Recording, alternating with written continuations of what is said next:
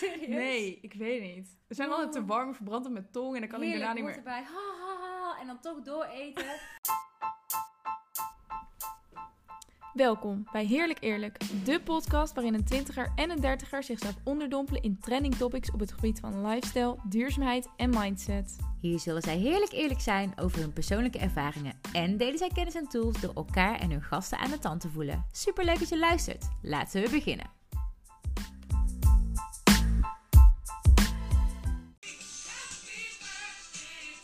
Ja, Maartje. Gefeliciteerd met je verjaardag. Dankjewel, dankjewel.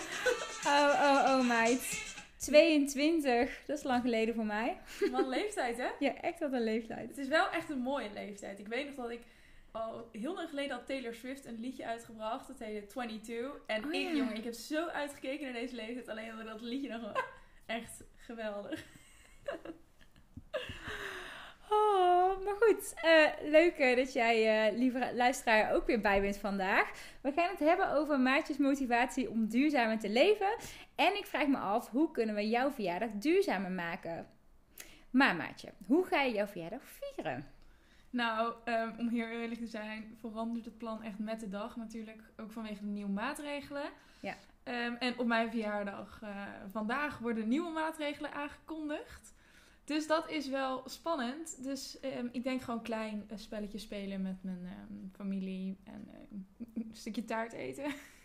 Dat is nooit verkeerd natuurlijk. Het hoort er wel bij, corona of niet. Zoals we aan jou hebben aangegeven, lieve luisteraar, gaan wij in onze podcast elke keer weer terug laten komen dat we gaan kijken naar onze week door middel van de Energy Boost en de Energy Snooze. En laten we eens even positief beginnen met de Energy Boost van deze week. Maarten, wat was jouw Energy Boost van deze week? Nou, deze week werd ik heel gelukkig van het tekenen. Ik heb namelijk de eigen illustraties voor mijn boek gemaakt. En ik heb gewoon de hele dag echt van 9 uur s ochtends tot 12 uur s avonds heb ik gewoon zitten tekenen. Ik heb er echt ehm, pijn mijn nek van gekregen. Maar het was echt... Ik vond het zo heerlijk om dan gewoon even helemaal in mijn element te zitten of zo. Ik kan dan ook gewoon uren doorgaan. Ik zit helemaal in zo'n flow. Ik heb geen besef meer van tijd of van iets. Ik heb dan muziek aanstaan. En die staat dan in zo'n loop, weet je wel. Dus die blijft maar dezelfde liedjes ook doorgaan. En Oh ja. af en toe zing ik even stukjes mee. En dan ben ik lekker aan het tekenen. Het was echt helemaal heerlijk. En wat is dan je ultieme eh, werksong, zeg maar? Waar ga je echt lekker op? Ehm, nou, ik weet niet wat ik heb, maar Taylor Swift is helemaal mijn ding op het moment. Eh, zij heeft een nieuw album en met een liedje Afterglow. En die eh, ja, ga ik goed op. Oké, nice. Ja. Nou, mijn eh, energy boost van Ja, deze vertel. week. Ehm, ik was met een vriendinnetje naar de sauna. En dat doen we al best wel lang. Maar toen ik zo'n 16, 17 was, ging mijn vriendin ook al super vaak naar de sauna. En ik ging dan heel vaak niet mee. Ik had dan vaak een excuus. Of ik zei dat ik niet kon, of dat ik moest werken. Of dat ik niet mocht, of dat ik geen geld had. Omdat ik me heel erg schaamde voor mijn lichaam. En nu ging ik met eh, een vriendinnetje die ik ook ken van de middelbare school naar de sauna. En ik merkte dat we allebei er heel erg aan toe waren om even echt die tijd met elkaar te hebben. Zonder, weet je wel, de afleiding van je telefoon of dingen van buitenaf of een tv die aanstaat. Maar gewoon echt met elkaar zijn. Echt letterlijk naakt. En helemaal blootstellen. ja, helemaal blootstellen aan elkaar. En ik merkte die avond dat, ja, dat ik me helemaal niet zorgen maakte over hoe ik eruit zag. Of, of mensen naar me keken. Of dat die rol verkeerd zat. Of die put in mijn bil. Of weet ik veel. Ik was alleen maar bezig met gewoon daar zijn en genieten en ontspannen. En ik was er ook echt zo aan toe. En pas achteraf dacht ik, hé, hey, ik heb me eigenlijk helemaal geen moment zorgen gemaakt over wat andere mensen van me denken. Ja, dat is echt een hele mijlpaal, zeg maar, voor mij. Wat mooi. Ja, dat was echt eh, dat is heel mooi. En als bijvoorbeeld, je hebt bij die sauna heb je twee dompelbaden. eh, of twee baden moet ik zeggen. Eentje is warm, zo'n 38 Aha. graden. En de andere is een dompelbad. En dan moet je elke keer zo heen en weer lopen, zeg maar. En dan ga je zo in het warme en dan maak je een rondje. En dan ga je eruit en dan ga je in de koude. En dan ga je weer in de warme. En nou ja. En we waren echt een soort van super melig en allemaal aan het spelen en allemaal dingen aan het bedenken. En oh, het was echt gewoon lol zonder iets anders. En zo puur eigenlijk. Ja, dat was echt mijn energy boost van deze week. Wat mooi. Klinkt heerlijk. Ja, was het ook echt. Fijn. En ehm, laten we dan maar meteen doorgaan naar jouw energy snooze, Floor. Ehm, mijn energy snooze, oké. Die begon in een energy boost. Want ehm, ik heb dus mijn werkboek uitgebracht. Eh, Ja, gefeliciteerd. Ja, dankjewel. Twee weken geleden. En ehm, dat wilde ik vieren. Plus, mijn vriend die eh, had ook zijn target gehaald voor het derde kwartaal. Dus ik dacht, wat is er nou mooier dan lekker een flesje bubbels ontkurken en samen op de bank, helemaal romantisch, dat flesje soldaat maken. Nou, dus ik liep naar, vanaf de printshop waar ik mijn werkboek had laten printen, liep ik naar de alcoholzaak toe. Zonder een naam te noemen. Is niet gesponsord, by the way. I wish. en ehm, ondertussen zat ik op mijn telefoon, want ik had wat vervelend nieuws gekregen. En dus ik was dat bericht aan het lezen. Volgens mij keek ik ook een beetje wat nors naar mijn telefoon. Nou, ja, het is ook niet leuk om, om natuurlijk vervelend nieuws te krijgen. En op dat moment loopt er een vrouw voorbij. Met echt een enorme grote poedel. Dat is me echt bijgebleven. En zij zei van, altijd dat rot ding in je handen. Had ze over mijn telefoon. Dat ik dus altijd dat rot ding in mijn handen heb. Eén, ik dacht, je kent mij helemaal niet. Altijd dat rot ding in je handen. Eh, hou je mij in de gaten. Wie ben jij? En- spy. Twee, ik snap dat in deze tijd eh, ja, mensen gewoon veel meer gefocust zijn op hun telefoon. Niet altijd op een goede manier. Maar ik voelde me zo eh, veroordeeld eigenlijk door haar. En ik wilde echt tegen haar zeggen van... Yo, je weet niet wat er in mijn leven gebeurt. Dus beter doe je even normaal. Maar dat deed ik dus niet. Ik verstarde helemaal. En ik vind ook op zo'n moment dat ik eigenlijk voor mezelf wilde opkomen. En wilde zeggen van mevrouw, sorry, maar u weet niet wat er in mijn leven speelt. Ik heb geen fijn bericht gekregen, dus ik pak daar even een moment voor. Ja. Sorry dat het u lastig valt. Maar Ja. ja, ja dat deed ik dus niet. Ehm, ja, vond ik jammer. En ik merkte wel dat het nog een beetje eh, door ging werken. Zo door de avond heen. Dat ik dacht van ja, oké, ik zit ook heel veel op mijn telefoon. En ik heb ook het idee dat ik altijd aansta. Ehm, dus het raakte me ook een beetje. Ja. Ik dacht, die vrouw met die poedel die heeft misschien ook nog wel een beetje gelijk, zeg maar. ja, stom is dat, hè? Ja, ik vond het heel confronterend. Ja, Ja, snap ik. nou ja. Maar goed. Ja, en jouw eh energy? Maar nog één ding weten. Waren Oh. de bubbels lekker? De bubbels waren heerlijk. Nou, trouwens, ik vond ze heerlijk. Mijn vriend vond ze meh, redelijk, maar dat was zijn... gewoon opgegaan wat dat betreft. Oké, oké, oké. En bij jou, wat was jouw snooze? Nou, mijn snoes van de week. Eigenlijk de snoes van mijn hele leven. Nee. ja, er is gewoon één ding waar ik deze week ook weer echt lekker tegenaan liep. En dat is ehm, als ik iets opschrijf, dan ben ik vooral bezig met de gedachten van mijn hoofd op papier aan het zetten. En hoe ik dat dan verwoord en hoe ik dat dan neerzet en in welke volgorde. En ja, daar gaan gewoon, dat gaat gepaard met spellingsfouten. En gewoon, het maakt niet uit wat ik doe. Het is gewoon echt een terugkomend iets. En dan, dan ben ik zo blij met zeg maar het, het resultaat. Dus met ehm, ofwel de alinea die ik heb geschreven. En nu ging het dan dus om ook de illustraties eigenlijk.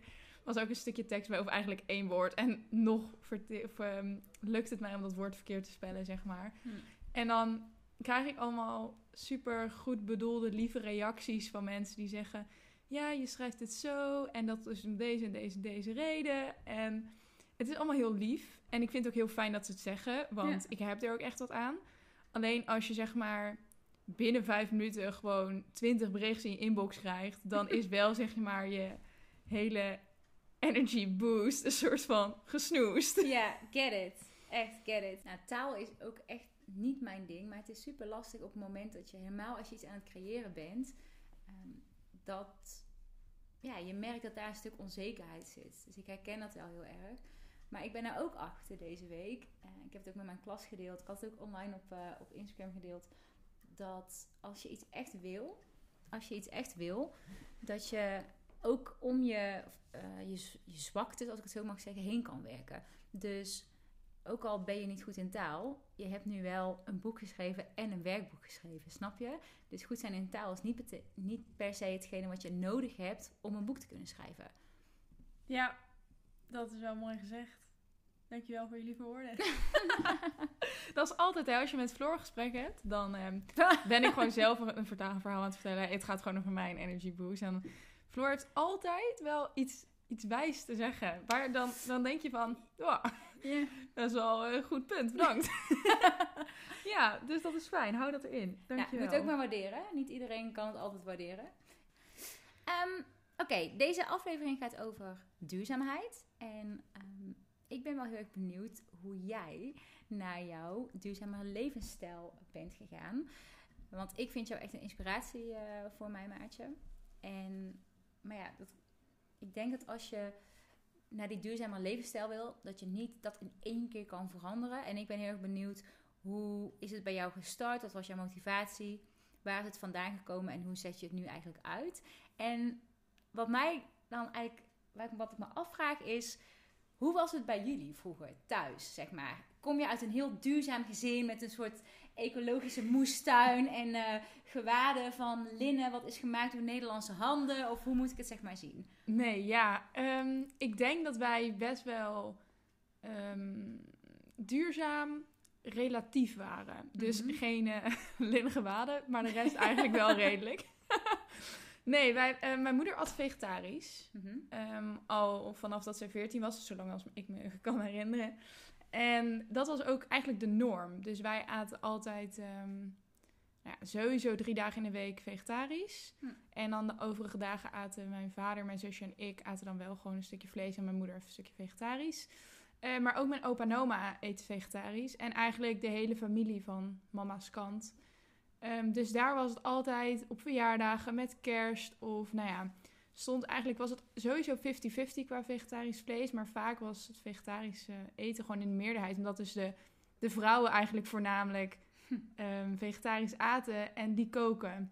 Ja. Dus ja, dat klinkt misschien best ouderwets, maar dat is eh, Ja, dat kan. wel een beetje hoe het ging. Behalve mijn oom trouwens. Mijn oom kookte wel, eh, maar die kookt dan altijd ehm, pasta met spek. En dat noemt hij dan boerenjongenspasta of zo, weet ik. Maar Heel grappig. Maar goed, ehm, en, maar dat is dus wel een beetje het stukje vlees eten. Zijn we in die zin, ja, nu wordt het zeg maar duurzaam genoemd, maar wij gingen altijd gewoon kamperen. Dus wij hebben nooit echt grote vliegvakanties gemaakt. Ik ben één keer met mijn ouders naar Australië gevlogen. Mhm. Ehm, maar daarvoor heb ik eh, nog nooit in het vliegtuig gezeten. En, oh ja, over het moestuinieren. ja, nou, mijn moeder is dus helemaal ehm plantjesgek. Eh, en dan vooral eetbare planten. Dus we hebben altijd wel, eh, wel groenten en fruit in de tuin gehad. En niet dat we daar echt van konden leven, maar wel gewoon op, als aanvulling, zeg maar. En nu hebben we Ja. ook een aantal fruitbomen. En dan heb je gewoon elke dag bramen en pruimen en appels. Dus ja, dat is gewoon, ja, dat is heel fijn. Wauw, klinkt inderdaad echt super fijn. En helemaal alsof het echt met de paplepel is in, ingegoten eigenlijk. Ik vraag me dan wel af, ehm, heel veel Nederlanders kennen het AVG'tje, dus aardappel, vlees, groente. Wat was bij jullie, als ik nou kijk naar bijvoorbeeld een paar dagen, hoe ziet dan het avondeten er bij jullie uit? Ja, wij waren ook, nou vooral papa eigenlijk was ook van de AVG. dus dat, eh, dat stond sowieso één keer in de week of twee keer in de week op de, op de menukaart. Ehm, mijn mama maakt heel graag groentetaart. Gewoon bladerdeeg, eh groenten en ei en dan in de oven. Mhm. Dat was ook echt het lievelingseten Lekker. van mijn zusje en mij. Ja, dat was echt heerlijk. En ehm, papa maakte ook heel vaak nasi. Papa kookt trouwens eigenlijk wel het vaakst bij ons thuis. Hm. Wel grappig. Maar eh, ja, dus die kan heel lekker nasi maken. En dat is gewoon vegetarisch. Ik weet niet wat hij doorheen doet. Beetje toge, beetje groente, beetje rijst. en ehm, ja, pasta dan.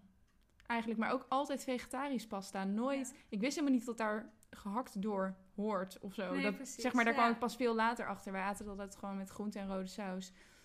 Een Ehm, rode saus, ik zo Nederlands vind. Ja. Ik altijd wat eten we pasta met rode saus? Ja. Ik denk dat echt super veel mensen dat kennen. Ja. ja, precies. Dus dat was... eh, ja, de- ja. En verder inderdaad AVG. Dan aten we gewoon eh, vlees. Ja, precies. En eh, mama nepvlees. En toen... Dat is wel grappig, want toen op een gegeven moment... eh, mijn hele verhaal trouwens, hoe ik ben begonnen met duurzaamheid... kan je lezen in mijn boek. Dat is best wel een stuk. En ik heb dat daar echt heel uitgebreid ook uitgeschreven. Ja. Dus eh, mocht je dat heel interessant vinden, koop mijn boek. hè. Mayo, pre-orderen. ja, nee, maar ehm, eh, toen heb, ben ik op een gegeven moment gewoon een week met mama mee gaan eten. Ehm, met, de, met de vegetarische stukjes vlees tijdens het AVG'tje. Ja. En dat, dat beviel me eigenlijk heel goed. Dat ik op een gegeven moment was ik vergeten dat ik het maar voor een week deed, zeg maar. Toen was ik eigenlijk al een soort van gestopt met vlees eten, zonder dat het een hele bewuste keuze was. Maar Ja. ik miste het eigenlijk gewoon niet. Het, enige wat ik wel miste was die leverworst die je dan in stukjes kon snijden. Mhm. Dus ik had voor mezelf bedacht grappig van... dat je ja, dat mist. Ja, helemaal niet per se vlees, vlees. Heerlijk Ja. culinair oogstandje. Ja. ja, maar dat had ik zoiets van, oké, ik ga mezelf dat niet verbieden. Als ik daar zin in heb, dan maak ik voor dat zeg maar een soort uitzondering. En ik denk ook dat dat eigenlijk echt, ik heb dat trouwens nooit meer gegeten, maar het feit dat ik het mocht van mezelf en dat ik zoiets had van, als je daar heel erg behoefte aan hebt, heel erg zin in hebt, dan mag je dat gewoon pakken. Mhm. Ehm, dat gaf mij heel erg de rust en de ruimte. En ook gewoon het relaxed gevoel van... ik verbied mezelf niks. Ik kies ervoor om, om nu eh, vegetarisch mee te eten. En dat Ja. ging eigenlijk echt super makkelijk. En nooit, ik heb één keer... waren we bij de hockey... en toen na de wedstrijd gingen de bitterballen rond. Oeh. En toen had ik in mijn handen... en ik vind helemaal niet bitterballen per se heel lekker of zo. Maar toen... Wacht even, ho, wacht Ja. even. Pauze in deze podcast. Je vindt bitterballen niet lekker? Echt serieus? Nee, ik weet niet. Ze zijn altijd te Oh. warm, verbrand op mijn tong... en dan kan ik daarna niet meer... erbij. Ha, ha, ha. En dan toch dooreten. Oh, love it. Echt. Ja, ik weet niet. Ik heb, dat, eh, ik heb dat ergens gemist, denk ik, om dat lekker te gaan vinden. Maar goed. En toen had ik die dus in mijn hand. En ik wilde een hap nemen. Gewoon, ze- zeg maar, heel onbewust. En toen dacht ik, zit hier vlees in? en toen dacht ik, oh ja. Toen heb ik hem maar vriendelijk teruggelegd als eh, pre-corona. hè. Zeg vijf jaar geleden, dus dat kon toen allemaal nog. nee, maar dat... ehm, nee, verder echt... Ik dacht, een vriendinnetje van mij had vegetarisch. Een meisje ook uit mijn hockeyteam. Al echt heel lang. Ook vanuit, eh, vanuit de opvoeding meegekregen. En ik zei altijd, nee, ik kan dat echt nooit. Hoezo dacht ik Ja. dat ik dat niet kon? Ik snapte echt, nou ja, maar goed. En toen was ik dus de volgende die vegetarisch had. Dus dat vind ik altijd wel grappig. Want mensen zien mij nu echt als degene die, oh ja, jij, jij eet al heel lang geen vlees. En ehm jij vindt het vast ook niet lekker. En eh, Ja. weet je wel, daar gaan allemaal heel erg van, ja, maar nee, want, eh, want ik kan dat echt niet. En eh, ja, maar bij ons gaat het echt altijd zo. En toen dacht ik, ja, Ja. ik ben daar ook geweest. Ja. Trust me. Zeker. Het is echt een proces. En ik denk ook wel dat het heel mooi is dat je nu ziet dat iedereen langzaam zeg maar minder, gaat, minder vlees gaat eten. Ja. En dan komt het allemaal vanzelf. Ik maak me er helemaal geen zorgen om. Je ziet echt namelijk dat het de goede kant op gaat. Dat de hoeveelheid vleesvervangers en de groenteopties en alles, dat dat eh, zo enorm aan het groeien is. Dus Ja. nou ja, vijf jaar en dan is het merendeel wel grotendeels vegetarisch, denk ik. ja. Ik denk wel dat een heel belangrijk deel in jouw verhaal is dat je intrinsiek gemotiveerd was om het te doen. Dat jij het zelf wilde. Niemand die jou dwong. Het werd niet opgelegd. Ja. Jij wilde het zelf. En ik ben van mening dat het moment dat je zelf iets wil, dat het dan ook gaat slagen. Want dan voel je het van binnen. Niet omdat je ouders het zeggen, niet omdat je vrienden het doen, maar echt omdat je het zelf wil. Ja, En nu is het fijn dat inderdaad, er zijn zoveel vleesvervangers. Wij ja. zitten bij ehm Picnic. We laten onze boodschappen bezorgen. Ik, we hebben daar heel bewust voor gekozen. Ook door corona. Ik voel me niet altijd fijn in een supermarkt. Dus ik vind het fijn Ja. dat Picnic dat dan aanbiedt. Ook niet gesponsord trouwens. Maar halle at me eh, als jullie me willen sponsoren. Ehm zag ik ook dat zij... Je kan aangeven op het moment dat je bijvoorbeeld een product mist. En ik miste best wel wat vleesvervangers. En nu hebben ze echt een hele lijn met allemaal vleesvervangers. Echt zo ontzettend fijn. ja. Dus het maakt het ook makkelijker om te doen. Als je het dan van binnen wilt ja. dan is die, die stap is heel, ja, op zich redelijk makkelijk gezet. gezet. Ik merk dat wij hier, ehm, mijn vriend en ik beginnen altijd met een soort experiment van, zullen we eens proberen om, nou dat kan zijn, zullen we eens proberen om 300 buikspieroefeningen per avond te doen. Ja, dat lukt dan niet zo goed, maar eh, zullen we eens beginnen om een paar keer per week vegetarisch te eten. Ja. En ik merk dat door jou en ook door andere meiden die daar heel bewust mee bezig zijn, dat ik me ook gemotiveerd voel zelf om het te doen. En ik denk, ja, het vermindert echt mijn, mijn footprint, zeg maar, op het moment dat ik dat doe. En dan, tuurlijk heb ik eh, alle Netflix-shows die er zijn, heb ik, heb ik gekeken. Maar nog steeds wil ik het dan van binnen voelen. En toen op een gegeven moment ben ik gewoon allerlei vleesvervangers in huis gaan halen. Dus kipstukjes en Ja. burgers die geen burgers zijn. En gewoon gaan koken. Soms heb ik niet gezegd tegen mijn vriend dat het geen vlees was. En dan kijken, oké, hoe bevalt het? En op een gegeven moment, nu eten we eigenlijk de hele week eh, vegetarisch. Ja. En dat is er echt vanuit, we willen het zelf. En we, we zetten kleine stapjes. En dan sluit het erin als een soort lifestyle, zeg maar. Een soort nieuw patroon wat je ontwikkelt. En tada, dan ben je daar in één keer. Ik ben wel heel erg benieuwd. ehm, we hebben het vorige ook heel even over gehad. Je zit soms in zo'n bubbel van mensen die vegetarisch eten, die heel bewust bezig zijn met andere keuzes maken. Hoe reageerde jouw omgeving eh, op het feit dat je naar die duurzamere levensstijl toe gaat. Want je bent in eerste instantie, correct me if I'm wrong, eh, op een andere manier met Instagram gestart. Kan je daar iets meer over vertellen? Nou, het is ehm, dat ik stopte met vlees eten was eigenlijk een, vond iedereen heel normaal. Ehm, Mooi. dat was gewoon, ja, dat vond iedereen gewoon helemaal oké. Dat was echt prima. Ik heb Mhm. wel gemerkt dat de laatste tijd ehm, dat ik meer veganistisch ga eten, dat daar nog wel wat, nou ja, dat mensen soms een woordje erover kwijt moeten, zeg maar. Ja, hoe doen ze dat dan? Nou, heel voorzichtig. Mhm. Eh, want natuurlijk, ze staan dichtbij me. Ze willen me geen pijn doen. Maar meer van... Dat ze zich... Dat, een soort bezorgdheid. Dat ze vragen van... ehm, krijg je dan wel genoeg dit binnen? Of Mm. eh, voel je je wel fit? Of whatever, zeg maar. Mhm. Ehm, oh, soms ook... Weet je het zeker? Weet je wel? ja hoor. Ja, Ja. hoor. ja, dus... ehm, dus Ja. eigenlijk op die manier. Maar verder... Ja, omdat ik het zo open deel op Instagram... Mijn moeder zegt ook altijd, ik hoef alleen maar naar stories te kijken en ik hoef jou niet meer te bellen. Ik weet precies wat jij doet. Vind je dat fijn of vind je dat niet fijn? Ehm, ja, weet, ja, weet ik niet zo goed. Is soms wel. Soms vind ik het wel prettig. Dat je het namelijk... Het is een stok achter de deur. Als ik nu... ehm natuurlijk, interne motivatie is heel belangrijk. Mhm. En ik moet daar zelf zeg maar volledig achter staan. Maar op het moment Mhm. dat ik deel dat ik iets ga doen... Dan krijg je ook nog die externe motivatie Ja. erbij. En dat zorgt gewoon voor een eh, gouden combinatie. Ja, het stukje duurzaamheid. Heb je een bepaalde missie met je duurzaamheid of met je verhaal en met je boek en de dingen die je online deelt? Ik pleit in mijn boek voor een linksverschuiving. Nou, spannend. Ehm, en dan zie je aan de rechterkant zie je gewoon het, eh, het oude normaal, als ik het maar even zo mag zeggen. De, Mhm. Na de industriële revolutie zijn we allemaal gaan focussen op dat het zo goedkoop en zo snel mogelijk moest. Ja. En aan de linkerkant heb je dan het plantaardig voedingspatroon, het heel, eh, heel bewust kopen en ehm, tweedehands bijvoorbeeld, zelf tuinieren. ehm, ook weer heel erg bewust worden van als ik nu iets eet, waar komt het dan vandaan? En dat je meer, ja, echt een beetje wat er nu misschien als duurzame goeroes of zo, weet je wel. Ja.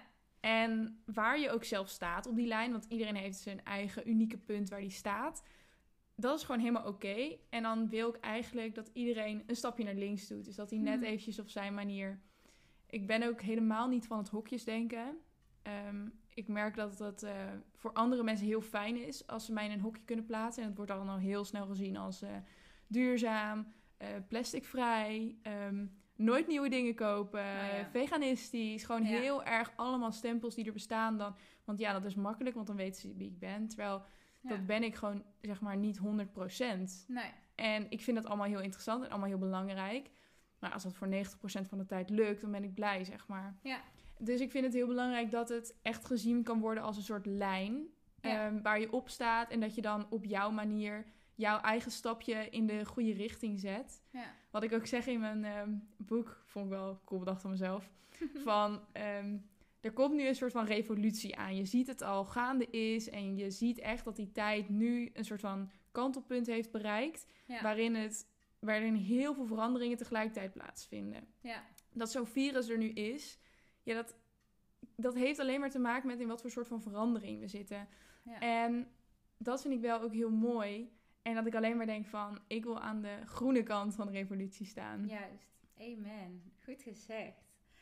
Nou, als je het hebt over die lijn waar je het over hebt. ehm, en over inspireren. Jij bent mij echt onwijs geïnspireerd. Op het irritante af eigenlijk. en wat ik, da- wat ik daarmee bedoel. Is dat als ik ga kijken naar ehm, mijn shopgedrag. Zeg maar. Mhm. En ook na het stukje vlees eten, maar daar ben, daar ben ik wel heel blij mee. Maar ik heb shoppen heel lang gebruikt om een soort van te verdoven. Dus eh, als ik me niet goed voelde, dan ging ik heel vaak shoppen. En dan ging ik zo een rondje H&M doen. Of even langs de Zara. Ik denk dat heel veel mensen dat herkennen. Nou, lieve luisteraar, mocht jij je hierin herkennen, dan eh, laat het mij alsjeblieft weten dat ik hier niet alleen in sta. Ehm, en toen ik het met jou op een gegeven moment een tijd geleden heb gehad over eh, shoppen en greenwashing en waar kleding vandaan komt. En ik ben me daarin gaan verdiepen. Toen dacht ik aan denken, oh shit, hoe belangrijk is het op de lange termijn, zeg maar, met wat ik nu doe. En een tijd geleden was ik met mijn vriend in Eindhoven. En toen waren we bij Monkey. En I love Monkey. Zij zijn echt super eh, feministisch. En weet je wel, ehm, mokken met tieten erop en zo. Ja, I love it. Wij hebben daar toen een keer samen avocado sokken gekocht, weet je nog? Ja, precies. Nou, dus wij die Monkey in. En eh, mijn vriend zei, wat ga je daar doen? Ik zeg, ja, ik wil gewoon even kijken. Terwijl door zijn vraag werd ik me eigenlijk al bewust van... Ja, wat kom ik hier nou eigenlijk doen? En toen pakte hij een, eh, een blouseje vast. En toen zei hij van, wat is dit? Het, het voelt net als papier, zeg maar. Wat heb ik vast? En het kost 5,99. Dat kan niet. En toen dacht ik ook, ja, nee. Dat kan ook helemaal niet. En dat is echt een kantelpunt geweest. Dat die gesprekken die ik met jou heb gehad en wat ik toen mee gaan kijken. En ook, mijn vriend is ook best wel veel bezig met niet onnodig dingen kopen. Ja. Ehm, Daar begint het vaak ook, hè? ja. Ehm, dat ik dacht, ja, ik moet daar iets anders in. En nou ja, zoals ik toen net al zei, voor mij was kleding echt die, die quick fix. Want het moment dat we ons als mens niet goed voelen, dan willen we dit gevoel vaak verdoven. En de een doet dat door eten, de ander door sporten, de ander door gamen. En ik deed dat door shoppen. En het vermijden van die gevoelens en het verdoven met het shoppen was voor mij op korte termijn heel erg fijn. Dus bijvoorbeeld, ik ben onzeker over een event waar ik naartoe ging. Ik ga even een nieuwe outfit kopen, want dan gaat het vast beter. Of, ehm, nou, ik ben inmiddels 30 geworden. Ik voel me niet, eh, niet meer de jongste en de fitste. Ik koop een of andere dure crème die ik dan Victoria Koblenko heb zien smeren of zo. Oh ja, dan gaat het vast beter. Of ik heb mijn dag niet, ga ik na mijn werk even een rondje in de H&M of de Zara doen. Maar ja, op lange termijn is dat nieuwe shirt of die hydraterende crème helemaal niet de oplossing voor mijn vervelende gevoel. En daar kwam ik dus steeds meer achter. Het helpt eigenlijk alleen maar met het in stand houden van wellicht een tweede probleem waar ik nu heel erg van baal. En dat is het stukje fast fashion en verspilling. Plus het ruimt het helemaal niet op. En ik maak eigenlijk een soort nieuw destructief patroon aan. En daar kwam ik steeds meer achter. Dat ik dacht, oké, dit is echt een patroon aan het worden. Elke keer als ik me niet goed voel, dan ga ik naar de stad. Dan ga ik naar een, een Inditex winkel, weet je wel, een Zara, een Pull Bear, een Bershka. Of een, in ieder geval ergens waar de kleding niet duurder is dan dat 50 euro. En dan vind ik vast wel iets wat dan mijn, eh, mijn energie beter gaat, eh, gaat krijgen. Ehm, Maar Ik- werkt dat? Heb Nou. je ook echt het gevoel van... Nu ben, ik, nu ben ik gelukkiger, zeg maar, als je het hebt gekocht. Helemaal niet. Want het moment dat je thuis komt met die kleren, eigenlijk is het dan al weg bij mij. Dus ik merkte heel erg dat ik. Je hebt eh, eigenlijk iets nodig wat je kan eh, kopen en dan gewoon weer meteen terug kan brengen. Ja, eigenlijk wel. Nou, die verandering is wel heel interessant. Want ik kwam er dus steeds meer achter dat die kleding mij niet het geluk gaf. Wat ik eigenlijk wilde en waar ik naar op zoek was. Dus ik eh, deed op een gegeven moment. Ik had de was gedaan. Ik ging naar boven, mijn kleding opruimen. Toen keek ik in mijn kast en toen zag ik twee jurkjes hangen met nog het kaartje eraan. En toen dacht ik van. Hè, wanneer heb ik die gekocht? Ik kon me dus niet eens meer herinneren wanneer ik het had gekocht, waarom ik het had gekocht. En het gaf me dus zeg maar nul spark of joy toen ik er naar keek. En je had het dus ook nog nooit aangehad. Nee, het was puur het moment. Ik voel me niet lekker. Ik ga naar de stad. Ik koop dat kledingstuk en ik hang het in mijn kast. En meh, vervolgens, ja, dat is wel hoe, het, hoe ik het ervaarde. Ehm, we hebben het toen net al een stukje gehad over die intrinsieke motivatie. Ik ging dus steeds meer van binnen voelen van, oké, ik, wil dit niet meer. Er moet iets veranderen. En waarom voel ik me zoals ik me voel?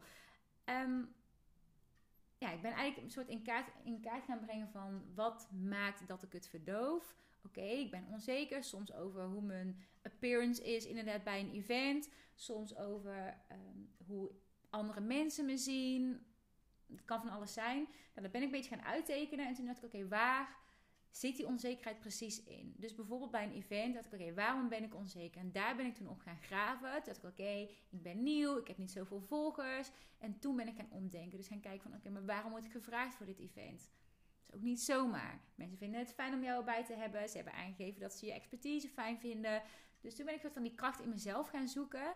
En die draai is best wel moeilijk om te maken. Want ik merk nu als ik in de stad loop en misschien eh, aan de luisteraar, als jij nu meeluistert, hoop ik dat ik je hier ook iets in kan geven. Als je dit herkent bij jezelf.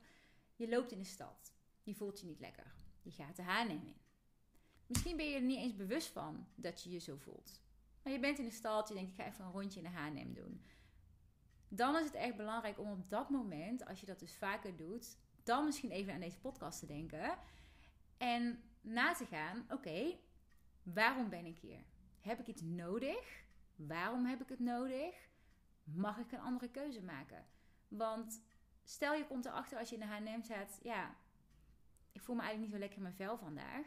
Gaat dan dat shirt voor 5,95 jou echt helpen? Of ben je er meer bij gebaat om een stukje te gaan hardlopen of een vriendin op te bellen of gewoon even uit te huilen of iets anders te doen wat daadwerkelijk op lange termijn gaat helpen? Wat daar moeilijk aan is, is dat je een patroon hebt ontwikkeld in je brein die altijd zegt: Oké, je voelt je niet lekker, je mag jezelf belonen met iets. Dat, dat hou je zeg maar in stand elke keer. Dan is het belangrijk, stel je bent in de HM, jouw brein gaat tegen jou zeggen: Girl, koop dat shirt. Dan ga je je echt heel veel beter voelen. Op lange termijn niet. Om daartegen te vechten zul je moeten zeggen: Nee, lief brein, ik maak een andere keuze. Ik ga nu naar huis. Ik bel die vriend of vriendin op. Ik jank het er even allemaal uit. En daarna ga ik een lekker stukje lopen en voel ik me oké. Op lange termijn heb je en niet dat kledingstuk. Heb je niet meegedaan aan fast fashion. Beter voor de duurzaamheid en uiteindelijk ook beter voor jezelf en voor je portemonnee. Ik was laatst in de Zara. en ehm, ik had een gesprek gehad met een vriendin over kleding die ik nu in mijn kast heb. Hoe maak je duurzamere keuzes? Ehm, hoe wil je eruit zien, hoe wil je jezelf presenteren. En zij had echt een super mooie blouse aan. En toen dacht ik, oeh, ik zei, waar is die van? Ja, is van de Zara. En toen dacht ik nog, Floor, je hoeft niet nu naar de Zara te gaan om die blouse te kopen. Maar ik ken mezelf. Ik vind haar een hele mooie vrouw. Ik kan me dan ook onzeker voelen. Dus ik ging naar de Zara toe. Ik heb die blouse gezocht, nog acht andere dingen. Ik heb letterlijk 20 minuten in de Zara rondgelopen met mezelf in gevecht. Van oké, je mag het gewoon terughangen. Het is oké. Maak anders een foto van. Neem het mee naar huis. Ga kijken hoe voel je je. Kijk op je lijstje. Ik heb een lijstje aangemaakt. Tip van jou trouwens, Maatje. Vertel eens kort over uh, de tip. Nou, de tip uh, die Maatje mij een tijdje geleden heeft gegeven... is dat je een lijstje maakt uh, in je telefoon... of in een of ander leuk notitieboekje... waar je dingen op zet die je graag zou willen... of die je nodig hebt... binnen nu en in een aantal maanden... En dat je dan op basis daarvan ook kan shoppen. Dus als je in de stad bent, kijk, als jij je winterjas niet meer past of er zit een gat in, dan heb je een keuze. Laat je maken of zeg je nou, na zes jaar die winterjas te hebben gedragen, mag ik nu een andere winterjas kopen. Dan zet je die op je lijstje. Maar als jij in de stad bent omdat je je niet lekker voelt en je wil een blouseje kopen voor uh, eh, 25,99 bij de Zara, staat het op je lijstje, heb je het nodig? Nee, dus dat helpt mij heel erg. En toen dacht ik, oké, geen van deze dingen die nu hier, die ik in mijn handen heb, staan op mijn lijstje oké, ik werd eventjes, ik was even off guard, want die prachtige vriendin van mij zag er gewoon fantastisch uit. Ja, ik heb deze week wat meer snoezes gehad dan dat ik boosters heb gehad. Dus ik voel me even niet zo fijn. Waar ben ik nu echt bij gebaat? Een stukje wandelen. Ik heb alles teruggehangen. Ik ben naar buiten gegaan, ik ben een stuk gaan wandelen en daarna voelde ik me zoveel beter. En dat is echt het verschil tussen die quick fix en op lange termijn iets uitmaken. En voor echt voor jezelf kiezen. Dus Zo'n mooi verhaal. ja, echt. Ja, dat is. En ik, de vrouwen met wie ik praat, die geven ook vaak aan dat ze dat shoppen heel erg herkennen. Belangrijk daarin is met alles wat je wil veranderen in je gedrag, is kijken naar waar komt iets vandaan en de lat echt mega laag leggen. Dus ga niet verwachten, oké, vanaf nu, ik heb deze podcast geluisterd, Maatje is te gek, Floor heeft goede tips. Vanaf nu ga ik alleen nog maar tweedehands kopen, weet je wel, alles duurzaam, plastic eruit, weet ik veel wat nog meer eruit. Dat, dat werkt niet. Dan kan ik je echt garanderen, je gaat echt keihard op je bek. Ja. het werkt veel beter om te zeggen, oké, ik ga voor kleine stapjes. Dus ik ga proberen om uh, tijdens de lunch geen vlees meer te eten. Of ik ga proberen om één keer per week naar de stad te gaan in plaats van vier keer per week naar de stad te gaan. Of ik ga zo'n lijstje eens uitproberen. En mijn ervaring is dat als je die kleine stapjes zet, dan gaat een soort balletje rollen. Tot je uiteindelijk gaat terugkijken en denkt: hé, hey, wacht eens even. Ik eet eigenlijk helemaal geen vlees meer. Of ik maak onbewust die vegetarische keuze. Of ik heb hier een hele mooie jas. Die heeft 300 euro gekost. Maar dat kan ik prima betalen. Want ik heb al een hele maand lang geen rondje HM gedaan. Ja. ja, dat zijn gewoon hele mooie dingen, denk ik. Ja, voor mij was dat stukje kleding uh, ook echt, nou ja, uh, financieel eigenlijk gewoon. Ja, als student, ja, leuk en aardig, maar je hebt gewoon weinig geld. Mm. Ja, ik kocht gewoon bijna niks. En toen kwam ik in aanraking met de, du de duurzame en dure merken. Mm -hmm. um, en toen, wat jij zegt, toen ben ik gewoon heel erg bewust gaan kijken van oké, okay, um, dan ga ik er nu echt een soort van voor sparen. Dus dan maak ik er echt een doel van. En dan als ik het koop, ik merk dat ik super zuinig ben op die items die ik dan heb gekocht. Ik heb bijvoorbeeld een hele mooie jumpsuit gekocht. Van een ehm, duurzaam merkje, Nas Fashion eh, heet dat trouwens. Eh, niet gesponsord. Ik heb er echt uh, goud geld voor neergelegd. Nee, hij was 120 euro. En ik was dat gewoon echt niet gewend om te betalen voor een Ja. eh, kledingstuk. Ehm, dus ik heb ervoor gespaard. Ik heb dat toen op een gegeven moment met een ehm influencer kortingje van 10% eh, gescoord. En ja, ik ben er nu zo blij mee. Het heeft echt een speciaal plekje in mijn kast. En ik zorg er heel goed voor. En zo merk ik dat ik langzaam, zeg maar, al mijn oude H&M'tjes en mijn Zara'tjes... want die heb ik ook echt wel eh, nog in mijn kast hangen. Dat die, zeg maar, langzaam... ehm, die verkoop ik dan bijvoorbeeld op Vinted... of geef ik aan mijn zusje of geef ik aan een vriendin... of doe ik iets anders mee, zeg maar. En dat het, zeg maar, vervangen wordt door... dat bijvoorbeeld drie shirtjes vervangen worden door één Ja, shirt. dat is super goed. Ik wilde net vragen van hoe ga je dat dan vervangen? Maar inderdaad, door een echt een mooi duurzaam stuk te vervangen door inderdaad drie of vier H&M'tjes, Ja. dat is echt top. En ik merk ook echt, het geeft mij zoveel rust om een, een opgeruimde kledingkast te hebben. Mm. Zeg maar, de kledingkast toen ik nog bij mijn ouders woonde was echt, hij was groot, er was veel ruimte. Alles lag in een soort van bergen op elkaar, wat ik de afgelopen jaren had verzameld. En het was alles door elkaar, er zat echt geen structuur in. En elke ochtend stond ik van, wat moet ik aan? Ik heb niks om aan te trekken. En nu heb ik dus echt een best wel een klein kledingkastje. Ehm, heel bewust ook voor gekozen. Wel mijn sportkleding eruit gehaald, want dat is, dat is een volgende stap. Daar ben ik nog niet. Maar mijn gewone kledingkast. ehm, echt drie broeken, vijf shirtjes, eh, drie blouses. Maar echt, echt gaan minderen. Ja. En nu heb ik gewoon elke keer van, oh, dit kan ik aan en dit kan ik aan. En ook zeg maar al wat, wat setjes gemaakt. Als ik dan iets Oh, koop, dan koop ik het in een set. Of als ik één item koop, dan heb ik al van tevoren bedacht... dat kan ik bij dit en dit goed combineren. ja. Zodat ik echt 's ochtends binnen twee seconden weet van... oh, dit doe ik aan en ik heb hier super veel zin in om aan te trekken. ja. Dat is ook echt... Ik word er gewoon blij van 's ochtends. Dat ik denk van yes, ik ga deze dag rocken. Want ik zie er gewoon goed uit. Want kijk mij in mijn fancy duurzame outfit Ja. lopen. Heel goed. Dat is ook echt die, die long term weer, zeg maar. Ja, Ja, fantastisch. En als we dan kijken naar verjaardagen, hè, want vandaag ben je jarig. En verjaardagen zijn altijd een soort, voor mij, oké, vanuit mezelf spreken, een soort druk van ik wil iemand eh, een mooi cadeau geven, maar ik wil niet onnodig geld uitgeven en andersom ook. Dus ik heb ook met mijn vrienden dat ik altijd denk van oké, beter leggen ze geld bij, bij elkaar voor één groot cadeau of gaan we iets doen. Maar ik vind het soms nog wel lastig. En ik merk mensen om me heen ook. Van ja, wat wil je dan voor je verjaardag? En dan soms krijg je dingen waarvan je denkt, ja, één, het is niet duurzaam. En twee, ik word er ook niet echt gelukkig van. Ik vind het wel heel lief. Maar ik vind alleen als mensen me feliciteren eigenlijk al heel erg lief. Dus ik wil eigenlijk aan jou vragen, wat zijn jouw tips om je verjaardag zo leuk en duurzaam mogelijk in te richten? heel leuk dat je het vraagt. Eh, ik ben daar... ehm, vorig jaar werd ik 21 en dat was gewoon eh, een ding. Ik heb 21 diner gegeven en dat was echt de leukste verjaardag die ik zeg maar in mijn leven ooit heb gehad. En nou ja, mijn verjaardag vandaag is gewoon heel anders en heel ja, moeilijk. Want je mag niemand uitnodigen. En wat jij zegt, ik, ik vind het zo fijn om iemand een knuffel te geven die dan zegt gefeliciteerd. Of dat iemand gewoon er is en dat je een gesprek kan voeren, kan lachen samen, samen een stukje taart kan eten. Ehm, dat, vind, dat geeft mij echt zeg maar dat verjaardagsgevoel. Eh, maar ik kan wel even vertellen over hoe ik dat vorig jaar al heb gedaan. Want Ja. toen, heb ik het, ehm, ja, toen heb ik eigenlijk ook al heel bewust mijn verjaardag wel duurzaam gevierd. Ehm, ik had een diner gemaakt. Bij een 21 diner werd een diner. Alles was veganistisch op één, één salade. Volgens mij had ik met eh, mozzarella volgens mij gemaakt. Eh, maar in principe was alles gewoon gemaakt van plantjes. Niet per se omdat ik toen veganistisch at, maar wel omdat ik het interessant vond. En omdat ik mensen ook wilde laten zien van dit kan gewoon... Want er staat altijd wel bekend bij een 21 diner van... oh, er hoort een supergrote steak bij en frietjes en allemaal fancy vlees. Ik dacht nee, ik ga gewoon een super lekker acht gangen menu maken met alleen maar plantjes. Nou, Nice. en iedereen vond het ook echt super lekker. Dus dat was, ik heb wel twee dagen in de keuken gestaan, echt bloed, zweet en tranen, maar het was het wel waard. Ehm, dus qua eten had ik dat al heel erg, ehm, nou ja, op orde.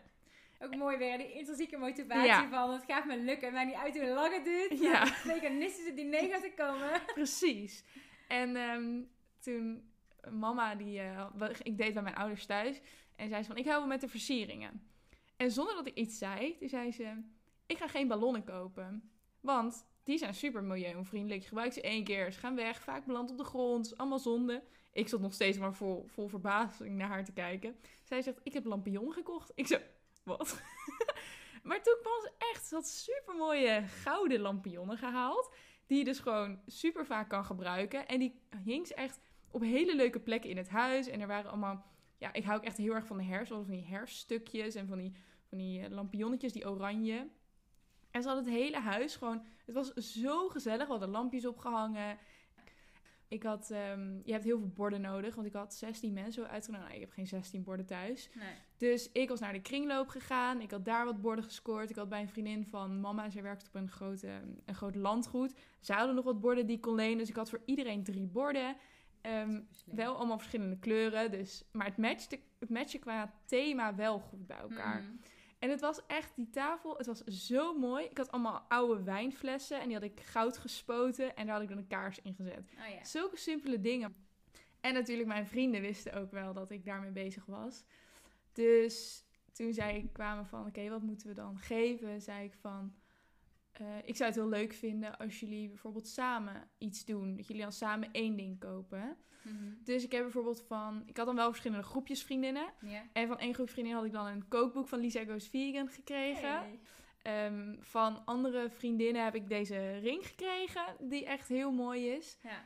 Mm, oh ja, en nog één heel leuk ding. Van een ander vriendinnetje had ik ehm, mijn marathon in een soort van lijstje gekregen. Dus helemaal de route stond erop. Oh, met de tijd, met mijn, ehm, mijn bib, hoe zeg je dat, startnummer. Eh, mijn naam. Dat was echt zoveel emotionele waarde zat eraan. Want marathonbeleving kwam weer zeg maar naar boven. Die heeft echt een super mooi plekje op mijn kamer gekregen. Dus dat zijn echt van die dingen dat...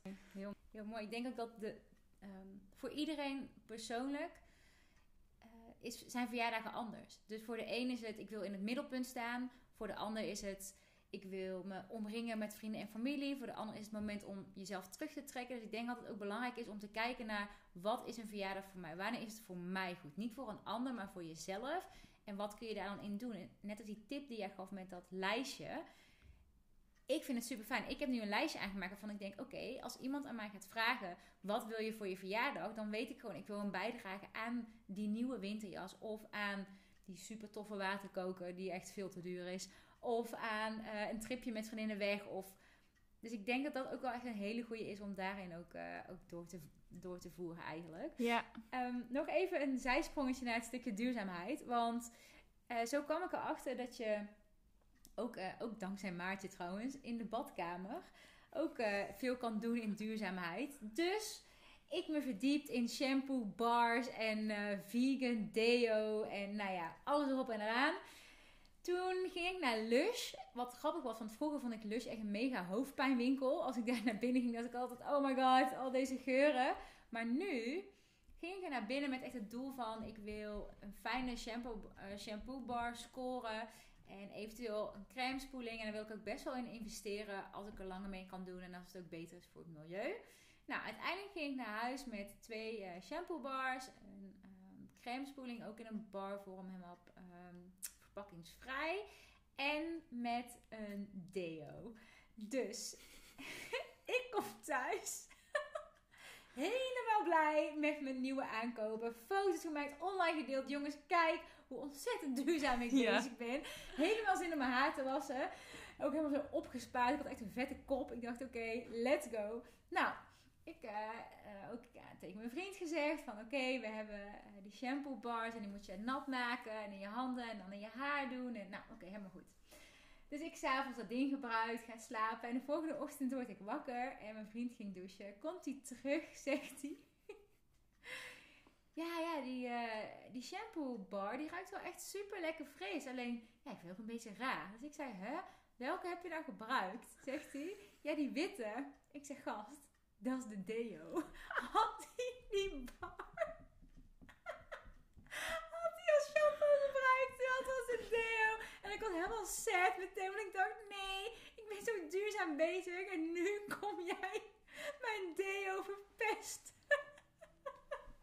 En hij zei meteen van, ja, nou, sorry, ik koop wel een nieuwe. Ik zei, nee, dat maakt helemaal niet uit, daar gaat het niet om. Maar op dat moment dacht ik echt, oh shit, deze duurzame stap. En nu vind ik het echt hilarisch. En ben ik trouwens nog steeds niet over uit welke eh, duurzame deo ik ga kiezen. Want dat is ook echt een zoektocht. Maar daar Ja. gaan we het nog wel een keer over hebben. Maar ja, dat was wel echt even heel hilarisch. Zo grappig. Oh. Oké. ehm, ja. Een verjaardag is even geen verjaardag zonder cadeautjes. Jazeker, dat dacht ik. Dus, lieve luisteraar, superleuk dat je trouwens tot nu nog hebt geluisterd, want het is Ja. ondertussen best een lange aflevering geworden. Precies. En ehm, daarom hebben wij een cadeautje voor jou. Jazeker. Ehm inderdaad, Maartje is, eh, is jarig en we vonden met de viering van onze podcast moeten we toch iets speciaals doen. En daarom willen we jou eh, iets aanbieden. Maartje, wat ga jij de luisteraar aanbieden? Het, eh, het werkboek Paperback van, eh, ja, van de kracht van teruggeven. Super tof. En vanuit mij komt er een kaartenset jouw kant op. Je hoeft er eigenlijk helemaal niet zo heel veel voor te, voor te doen. Voor deze winactie is het belangrijk dat je ons deelt online. En dat je ons eh, tagt, dus liveofmaag.nl en Floor van Tuin. En dat je de hashtag gebruikt, heerlijk eerlijk de podcast. Mocht je nou bang zijn dat we je eh, gedeelde story gaan missen, dan mag je even een printscreen sturen naar ons via DM of ons even mailen naar heerlijkeerlijkdepodcast.gmail.com. En dan eh, gaan wij eh, 30 oktober de winnaar bekendmaken van de paperback van het boek van Maartje en van de kaartenset van mij. Ja, en het is ook wel belangrijk als je een gesloten account hebt, dus niet een openbaar account, dan kunnen wij sowieso niet, ehm, niet de stories zien. Dus mocht je dat hebben en toch heel graag willen meedoen, dan stuur sowieso even een, eh, een print screen naar eh, Floor of naar mij of naar de, naar Gmail. Ja, super. Oké, als we nou terugkijken op onze vragen. Hè? Hoe kun je je verjaardag duurzaam inrichten? Nou, ik denk wel dat we, dat we kunnen concluderen dat verjaardagen voor iedereen heel persoonlijk zijn. Maar dat er echt heel veel opties zijn om die verjaardag duurzaam in te richten. En dat het belangrijk is om te kijken naar... Oké, wat vind ik echt leuk? Waar krijg ik echt energie van? En hoe kan ik dat koppelen aan mijn eigen duurzaamheidsdoel? Want alles wat wij hier vertellen, daar kan je iets mee doen. Maar dat hoeft natuurlijk helemaal niet. Nee, het is precies. Vooral belangrijk dat je het echt eigen maakt. En het stukje bewustzijn is natuurlijk de eerste stap. Dat Ja. je bewust bent van, hé, hey, ik wil een duurzame verjaardag gaan geven. Of ik wil een cadeau vragen wat eh, wereldverbeterend is, als ik het even zo mag zeggen. En dat je er dan over na gaat denken, dat is, dat is gewoon een eerste hele mooie stap. Eens.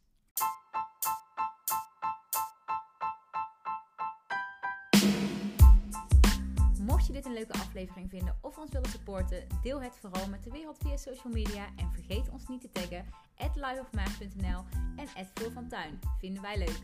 Mocht je ook meer willen weten over het toewerken naar die positieve mindset, kijk dan eventjes op mijn website www.floorvantuin.com. Daar staat mijn werkboek, die kan je bestellen en lekker zelf aan de slag. Yes, en als je de podcast deelt en kans wil maken natuurlijk op ons prijspakket, gebruik dan vooral de hashtag Heerlijk Eerlijk, de podcast. Mocht je nog vragen hebben die we kunnen behandelen in de podcast, of als je ons gewoon wil vertellen, mail dan naar heerlijkeerlijkdepodcast.gmail.com. Dankjewel lieve luisteraar, je bent te gek. En vergeet niet, leren doe je met vallen en opstaan. Ben niet te streng. doei! doei!